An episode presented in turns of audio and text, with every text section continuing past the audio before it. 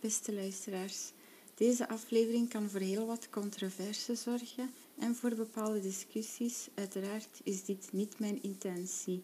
Graag vermeld ik er even bij dat deze podcast zich niet gedetailleerd zal uitweiden over politieke onderwerpen of uitspraken. De onderwerpen die besproken worden in deze aflevering gaan grotendeels ook over politieke beslissingen en geef daar louter enkel mijn mening over, zonder de intentie meningen van anderen of dienstpolitieke voorkeuren te beïnvloeden. De termen en diepe logica die worden gebruikt in het parlement snap ik ook helemaal niks van en laat me ook steenkoud. Mijn aflevering heeft dus voornamelijk de focus op het delen van mijn visie en mening op de huidige maatschappij, de samenleving, maar ook de steeds veranderde mentaliteit van de meerderheid van de bevolking. Ik probeer helemaal geen aantijgingen te doen of bepaalde zaken te beweren. Nee, ik deel gewoon mee wat ik als mens in deze huidige maatschappij waarneem en ben ik uiteraard geen persoon die meedoet aan het verzinnen van bepaalde complottheorieën of samenzweringen. Tot slot probeer ik ook geen gelijke te halen met een bepaald doel en wil ik absoluut zeker geen mensen persoonlijk kwetsen of op welke manier dan ook benadelen. We leven in een steeds moderner wordende maatschappij met diversiteit, verschillende culturen die niet meer voor controverse zouden mogen zorgen. De verdeeldheid wordt aanzienlijk groter en begrip en tolerantie van de medemens wordt steeds kleiner. Na corona zouden we denken dat we als mens toch iets geleerd hebben. Helaas was dit maar met een bepaalde houdbaarheidsdatum. Van zodra het normale leven weer begon en de opgelegde maatregelen vervaagden, viel iedereen al gauw in zijn of haar eigen patroon. We waren in tijden van corona bang. En wat gebeurde er met deze angst? We voelden ons samen kwetsbaarder en stonden stil bij de belangrijkste zaken in het leven, namelijk onze eigen gezondheid en de mensen die we lief hebben. Plots werden we gedwongen om een heel andere kijk te creëren naar het leven en waar de belangrijkste aspecten van ons leven lag. We respecteerden diegenen die hun leven op het spel zetten en anderen in schrijnende omstandigheden hielpen. We hoopten, hadden lief, leden pijn en verlies. Dat voor het eerst allemaal samen. Zoals ik al zei, zolang dat mocht duren. Toen alles weer begon op te starten, viel het oude patroon al gelijk over datgene wat ons samen sterk hield. Is het nu werkelijk beter en hebben we iets geleerd van deze periode of was het kortstondige moeite dat werd aangestuurd door angst? Ik kan het amper geloven wat we op korte tijd plots allemaal als mensheid meemaken en ik kan het nog minder bevatten van wat er nu gebeurt in Oekraïne en dit gewoon kan door een narcistische dictator die helemaal niets geeft om de mensheid en enkel zijn eigen hebzucht wil voeden. Ik spreek nooit haat uit tegenover personen, maar die persoon komt wel aardig in de buurt. En dit voel ik puur en alleen voor mens en kind. Wij ondervinden nadelen die ons alles schaadt, maar ik geloof niet dat het gelijk strookt met hetgeen er daar gebeurt.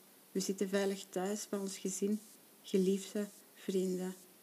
We bevinden ons nu ook in een elektriciteitscrisis en mede ook de gas, stookolie en benzine. Ook dit is een machtsspel waarin de grootste wint en het meeste geld bezit. Dit is op zijn beurt hartverscheurend, waarin de rijken steeds rijker worden en de armen steeds armer. 8,5% van de bevolking leeft in een huishouden met een inkomen onder de armoededrempel vorig jaar. Dit komt overeen met ongeveer 560.000 personen in Vlaanderen. Dit zal enkel maar groeien. Nog meer mensen kunnen hun rekeningen niet meer betalen, hebben geen geld meer om eten te gaan kopen, kinderen die geen lunch kunnen meenemen naar school en ouders waarvan ze de schoolfacturen niet meer kunnen betalen. Kwetsbare mensen worden onvoldoende beschermd. Ikzelf heb geen rechten als chronisch zieke en de inkomstenbron ligt enkel bij mijn partner. Dat wordt afgestraft op onze belastingsbrief. Waar is onze regering? Waar wachten we op? En hoe komt het dat ze tekort blijven schieten om ons te ondersteunen? Welke maatregelen zouden pas echt kunnen helpen in plaats van emmers uit een zinkend boot te scheppen? Dit is verontrustend en maakt dat ik als HSP'er het er heel moeilijk mee heb, het aanzien van wat er tegenwoordig allemaal gebeurt. De veranderingen ten nadele van ons als mens. En hoe zal dit effect hebben op onze kinderen later? Is er iets dat wij kunnen doen? Solidariteit kent helaas ook zijn grenzen. We zijn vol energie en moed om onze medemens te helpen voor bepaalde duur. Hoe komt dat? Ligt dat aan onze mentaliteit?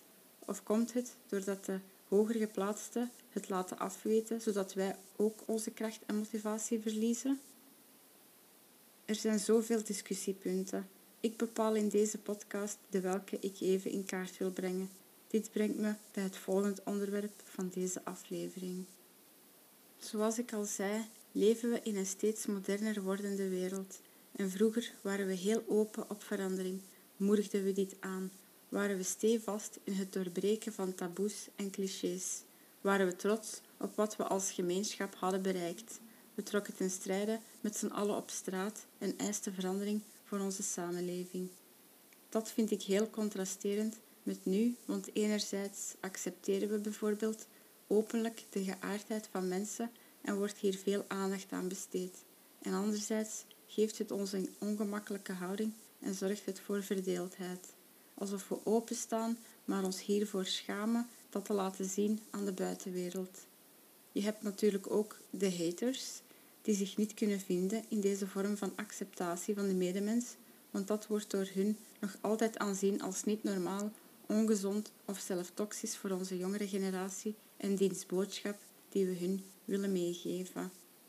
Is het dan zo moeilijk om je kinderen aan te leren dat iedereen mag zijn wie hij of zij wil zijn, ook al is een jongen verliefd op een andere jongen en een meisje verliefd op een andere meisje, of dat een jongen liever een meisje wil zijn of een meisje liever een jongen.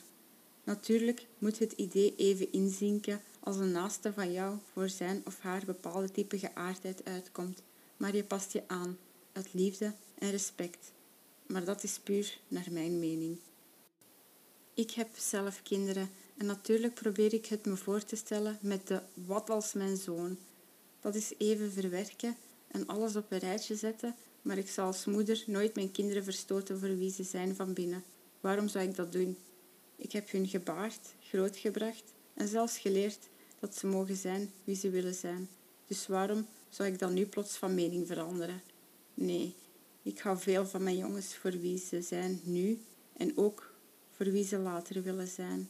Als moeder zal ik altijd trachten te proberen om hun te steunen. Als hoogsensitief persoon ben ik ontzettend empathisch. De vreedheid in de wereld trekt me onmiddellijk leeg. Het raakt me de ene keer harder dan de andere. Maar alles bij elkaar opgeteld is het een pijnlijke affaire wanneer ik eraan denk hoe mensen elkaar kunnen kwetsen en zelfs fysiek zwaar kunnen toetakelen, gewoon door wie ze zijn en daarvoor uitkomen. Zoiets vraagt moed om uit de kast te komen, maar ook hebben ze veel zelfopoffering geleden door al die tijd hun gevoelens te onderdrukken. Een dagelijkse worsteling met zichzelf en de buitenwereld, terwijl mensen het kunnen zien als een bepaalde vorm van egoïsme. Na een jarenlange strijd die zij dagelijks geleverd hebben binnenin zichzelf, denk je dan nu echt dat er nog energie overblijft om rekening te houden met hoe jij erover denkt? Helemaal niet. Ze stuiten op mensen die hun voor hun geaardheid verstoten of spotten. Dit zijn de mensen die zwaar emotioneel letsel toebrengen aan personen die in het diepst van hun ziel goedhartig zijn en liefdevol. En dat zou een misdrijf moeten zijn die bestraft kan worden. De tegenstrijdigheden loeren op elke hoek waar ik kijk en niet enkel in dit onderwerp, maar andere zaken lopen vierkant. Ik geloof ook trouwens niet dat het ooit rond is geweest, maar goed. Het is niet aan mij om al die gebreken te gaan invullen en benoemen. Ik denk dat we allemaal zelf wel goed genoeg weten hoe de vork in de steel zit. Alleen durf ik daar gewoon mijn mening over te geven. En jij misschien niet, en dat is prima. Helemaal oké. Ik geef een paar stellingen dat stof kan zijn tot nadenken over een paar tegenstrijdigheden die heersen in deze wereld. De ene heeft niks, maar geeft alles aan een ander. De ander heeft alles en houdt ook alles voor zichzelf. De ene krijgt alles wat diegene wenst. De ander moet vechten en hard werken om net rond te komen. De ene is ziek en staat klaar om iemand te helpen. De ander is gezond en helpt niemand. De realiteit van nu is dat de rijken steeds rijker worden en de armen steeds armer. De middenklasse die oftewel nog maar net het hoofd boven water kan houden of ook naar armoede toe gaat. De wereld draait op het hebben van macht, machtiger worden en geld, bezitten en steeds hebzuchtiger worden en daar helemaal door zijn verblind. Machtsgeil en geldzuchtig kost wat kost, zonder maar te denken aan de mensheid en diens waarde. Het maakt een schip stuurloos zonder kapitein. Wie is nu de kapitein van ons schip? Zijn dat echt narcistische dictators en invloedrijke grote koppen? En zal ons schip kunnen verder varen in een maatschappij van gezonde welvaart en economie of strandt het vroeg of laat? Stranden of zinken? Niemand van ons kan dit invulling geven, maar vertrouwen voor enige positieve speculatie krijgen we ook niet echt de kans toe. In welke staat laten we onze aarde na aan ons nageslacht, de nieuwe generatie die we grootbrengen? Kunnen we hier gerust in zijn? Kunnen we trots zijn over hoe goed we zorgen voor onze aardbol? Welke mentaliteit laten we heersen die we onze kinderen aanleren? Zijn we zeker van ons zaak en is dit helemaal te vertrouwen? Zoveel vragen waarin enkel de toekomst de antwoorden op heeft. Of kunnen we deze enigszins beïnvloeden en dit wel op een positieve manier? We kunnen niet wachten op enige positieve verandering. Alleen elk van ons individueel kunnen met eigen persoonlijkheid een stukje positieve invulling geven op ons eigen mooie manier. Ik kies mijn eigen pad in het leven en ik kies ervoor om mijn kinderen datgene aan te leren waarvan ik vind dat ze waardevol zijn, dat nog generaties kan worden doorgegeven. Een stukje authentieke dat helaas steeds een beetje meer vervaagt en naar de achtergrond raakt.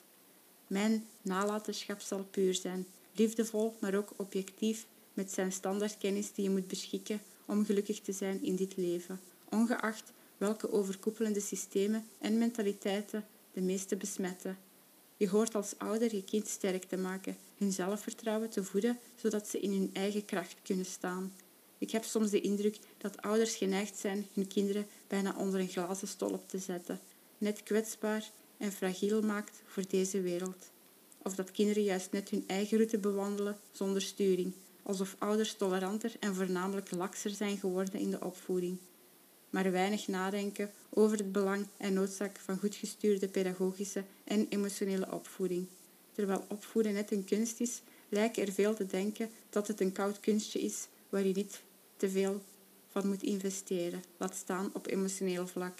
Zolang het kind voorzien is van al zijn basisbehoeften, is alles toch prima, zou je denken. Opvoeding is een veel groter pakket dan enkel dat. Als ouder dien je je kind ook te voorzien van emotionele zorg, steun en veiligheid, en niet enkel op fysiek en praktisch vlak. En dat vind ik verontrustend.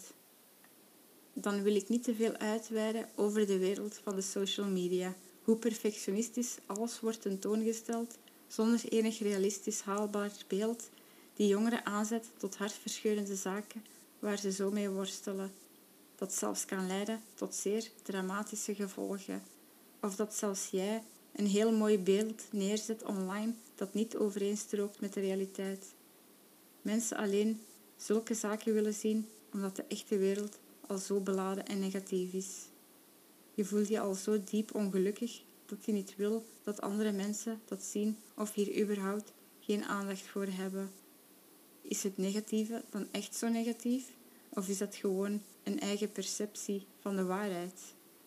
Ik geloof dat iedereen moeilijke periodes doormaakt in het leven, maar nog veel te vaak wordt dat weggestopt voor de buitenwereld, alsof het een competitiewedstrijd is van om ter mooist, leukst en gelukkigst.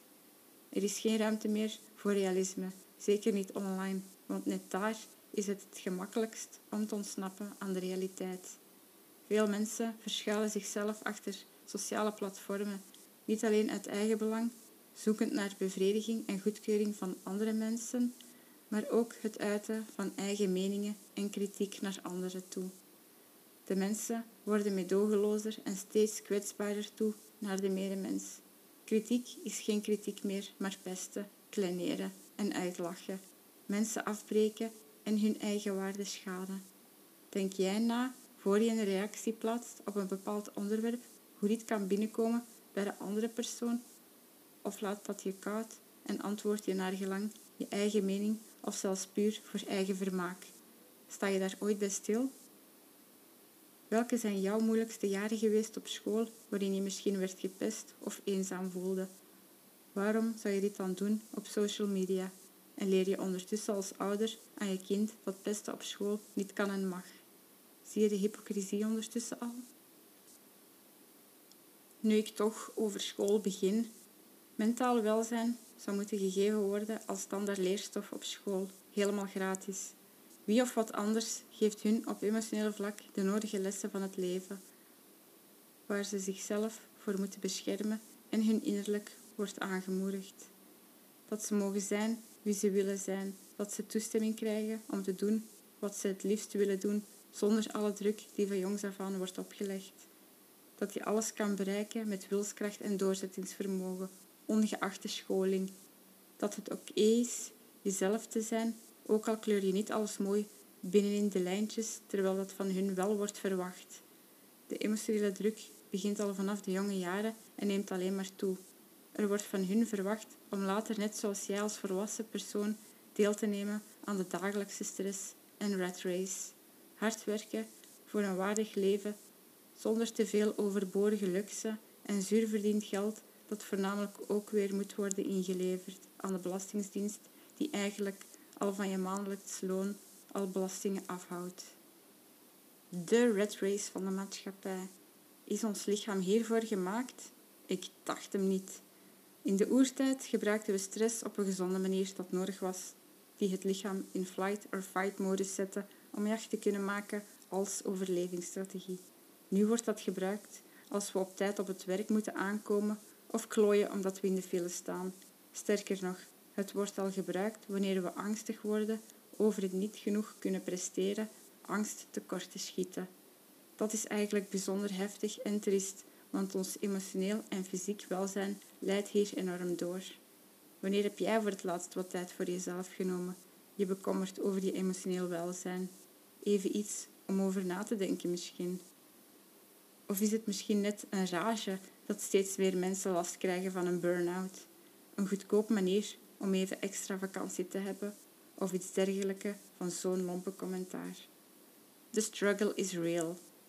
Net zo echt dan het fysieke lijden is met chronische pijnen zoals hoofdpijn of vermoeidheid of andere medische klachten. Zelfs chronische ziekte die kan insluipen, de niet terug te draaien kwaaltjes en lasten.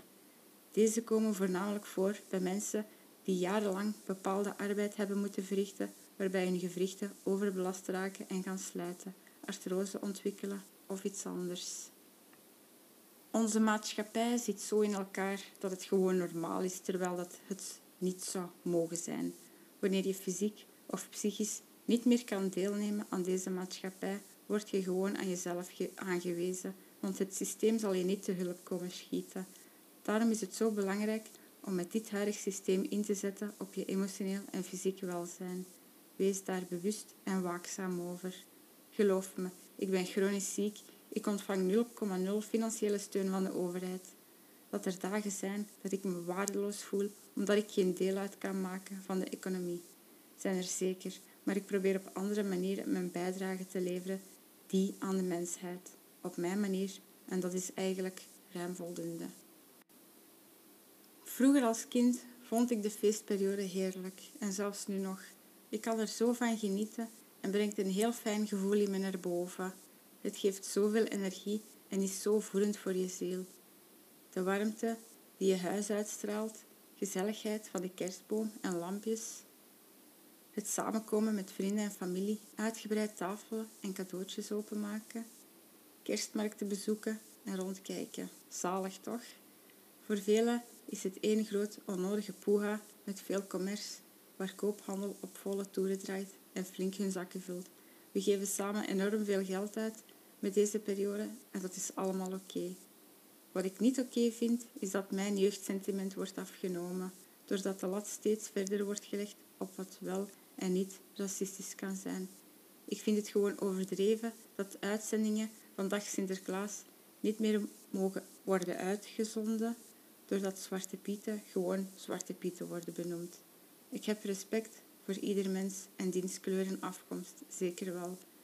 En dat maakt me niet anders door het kijken naar afleveringen die onder de noemer aanstootgevend kunnen worden genoemd. Denk dan ook maar aan kerstmarkten dat eigenlijk wintermarkten moet worden genoemd voortaan. En zelfs de legendarische negerzoenen die nu, ja, wat eigenlijk moet worden genoemd. Waar gaan we naartoe eigenlijk? Is het allemaal echt al die jaren zo racistisch en bespottelijk geweest, minachtend voor bepaalde mensen met een bepaald geloof of afkomst? De veranderingen zijn moderne veranderingen die naar mijn mening geen duidelijke boodschap meegeven. Alleen dat ras en religie kwetsbaarder wordt gemaakt en misschien tot mijn verontrusting net kan zorgen voor nog een grotere kloof van acceptatie en verdraagzaamheid. De misnoegdheid en zelfs haat verder groeit, maar ik hoop dat ik zo mis ben. En wat is het binnenkort? Mogen we geen kerstboom in huis zetten? Kunnen we nog tradities in ere houden waarmee we zijn opgegroeid en behoort tot onze cultuur? Verandert onze authenticiteit mee met deze veranderingen? Of kunnen we in ons eigen waarde blijven? De maatschappij heeft verschillende barsten in zijn voegen zitten, waarvan sommige al heel lang waren, maar sinds kort pas echt onder de aandacht komt. Hier wordt op ingespeeld, maar is het werkelijk zo of is het een mooi beeld dat ons wordt voorgehouden? Ik vind het in ieder geval bijvoorbeeld positief dat modellen niet meer standaard smalle poppetjes moeten zijn van 1,73 meter en 54 kilo, maar ook mensen met meer curve op de foto wordt gezet. Zou je denken dat dit een vooruitgang betekent, zodat er geen discriminatie meer plaatsvindt of toch dat idee de kop wordt ingedrukt. Het is oké met een maatje meer, of twee, drie maatjes meer. Iedereen is mooi op zijn eigen manier. Ik vind juist dat sommige mensen net knap zijn met dat extra maatje. En als jij je goed voelt in je vel, waarom zou je dan iets veranderen? Verandering ontstaat in eigen gedachten en moet voorkomen uit eigen wil en niet door zaadjes die andere mensen bij jou planten door te lachen en te spotten of je na te gapen als je over straat loopt. Verander alleen iets als jij vindt dat het hoort bij jouw geluk en doe het in je eigen waarde. Helaas speelt de medische wereld hierin graag mee, omdat het aardig wat geld binnenbrengt. Het is zo veel voorkomend voor mensen met curve dat ze tegenwoordig kiezen voor een maagbypass, een snelle en effectieve manier om af te vallen. Helaas vervalt hierbij de authenticiteit van jezelf, waarin je trots kan zijn op wat je zelf hebt bereikt. Je kiest voor een snelle verandering die jou gelukkig zal maken, maar is dat wel echt zo?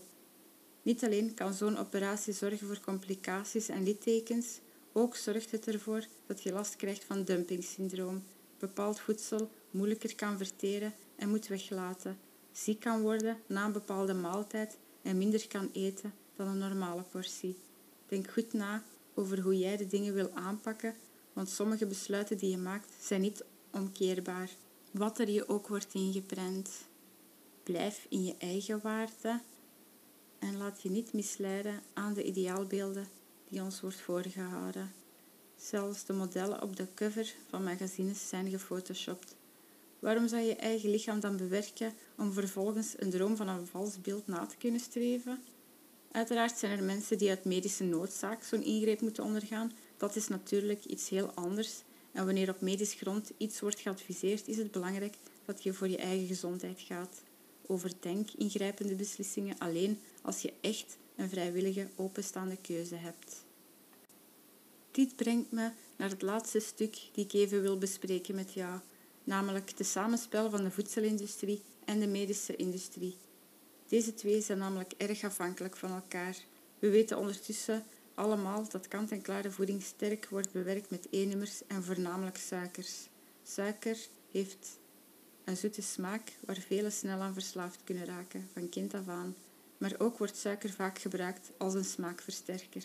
Suiker is een goedkoop middel in de samenstelling van voedsel en maakt alles lekkerder, omdat het ook een verslavend effect heeft. Zo ook wordt vleesslijm gebruikt om vers vlees aan elkaar te lijmen, zodat jij een mooi aantrekkelijk stukje vlees ziet liggen en daar de prijs voor betaalt. Dan heb je ook nog het veel gebruik van simpele koolhydraten, zoals tarwemeel, maïszetmeel en rijstmeel en ook palmolie. Het is betaalbaarder dan bijvoorbeeld vers fruit en groenten, zeker wanneer de oogsten blijven mislukken van landbouwers door de verandering van het klimaat. Wat palmolie betreft, geef ik even extra uitleg. Voor palmolie is er minder oppervlakte en bestrijdingsmiddelen nodig om het te kweken. En het is duurzamer en goedkoop, maar is slecht voor het milieu. Op gezondheidsvlak bevat palmolie veel verzadigde vetten en verhoogt de LDL-cholesterol. Ook is palmolie geur- en kleurloos en is het een veelzijdig product. Daarom bevat de helft van alle verpakte producten palmolie. Het is ook betaalbaarder en haalbaarder dan zelf als vers klaar te maken of kiezen voor een alternatief. Want vergeet niet, we hebben dagelijks een red race waar we moeten aan deelnemen en veel zuurverdiend geld moeten we weer afgeven. De zwaarlijvigheid blijft groeien, die wordt gevoed door de voedselindustrie, waar we allemaal afhankelijk van zijn. Zo zie je hoe de afhaalmogelijkheden van maaltijden en fastfood blijven groeien en inspelen op het gemak van mensen en ook de populariteit van fastfoodketens blijven groeien. Het steeds groter wordend aanbod van fastfoodketens die hier ook hun plek huisvesten. Allemaal trends die mede ook overwaaien vanuit Amerika, zoals McDonald's, KFC en Dunkin' Donuts. Het zorgt voor een blijvend verontrustend toenemend aantal van zwaarlijvigen die risico lopen op het ontwikkelen van diabetes, een hoge cholesterol en bloeddruk en ook depressies. En hierbij speelt de medische industrie mee. Grote hoeveelheden mensen zijn genoodzaakt van het krijgen van medische zorg dat wederom hun kassa doet rinkelen. Maar doet de voedselindustrie dit met opzet of is er meer aan de hand? Je vindt veel artikels terug die gaan over de voedselindustrie dat ons ziek maakt. De voedselindustrie verdient veel geld aan de verkoop van voorgemaakt eten en speelt in op onze dynamiek van de maatschappelijke red race. Dat kan leiden, zoals eerder vermeld, aan obesitas en de bijhorende risicovolle klachten, maar ook het risico op hart- en vaatziekten neemt toe. Ook in ziekenhuizen komt voeding de keuken binnen die op grootschalig niveau wordt bereid via een cateringbedrijf uit besparingsoverwegingen. Er is in een klein onderzoek aangetoond dat patiënten spiermassa verliezen, maar ook hun ijzer significant daalt en hun vetmassa toeneemt. Het ideaalbeeld van hoe het zou moeten is echter ook amper haalbaar, maar hierbij wil ik het ook niet goed praten. Het is een dubbel kwaad waar met extra aandacht en werk dingen wel ten positieve kan worden veranderd. Alles draait om zaken dat het meest geld opbrengt, zowel voor de voedselindustrie, de medische industrie, als ook de zorgverzekering. Hier geef ik nog even een kanttekening mee. Sommige patiënten die lijden aan een zeldzame aandoening en hier specifieke peperdure behandelingen voor nodig hebben, krijgen deze niet omdat het de zorgverzekering handenvol geld kost. Dit wordt niet alleen toegegeven, waardoor de medische industrie je afwimpelt met de uitleg dat je maar meer moet gaan sporten of beter moet gaan eten en misschien ook terwijl eens moet langsgaan bij de psychiater, want dat is voor hun goedkoper. Terwijl de patiënt een verminderd levenskwaliteit blijft houden en zelfs in zijn gezondheidstoestand achteruit gaat. Wanneer je als arts tegen de haren instrijkt van de zorgverzekeraar en kiest voor de optimale gezondheid van de patiënt zonder de regeltjes te volgen, bevind je je op glad ijs. Tegenwoordig zie je wel reclameboodschappen voorbij komen van fabrikanten die hun receptuur aanpassen en gebruik maken van minder suikers en bewaarmiddelen, als ook dat er een alternatief wordt gebruikt voor palmolie in bepaalde producten waar het vaak in voorkomt.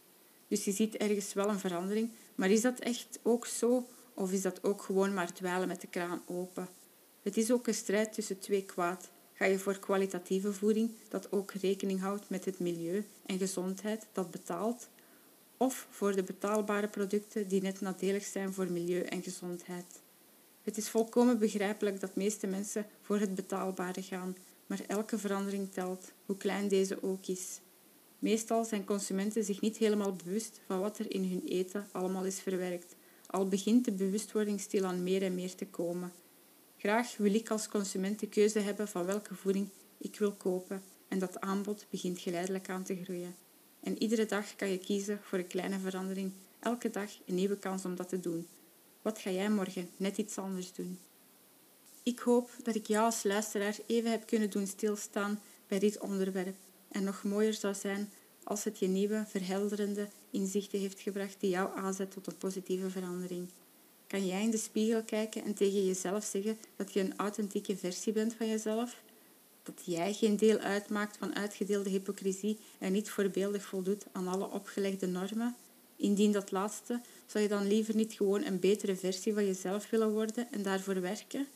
Behoud jezelf en je eigen waarde. Vind jouw blauwdruk en geef deze door. Dat is het mooiste wat je kan doen en is meer dan genoeg. Dank je wel om te luisteren en je hoort me binnenkort weer in een nieuwe podcast. Tot ziens.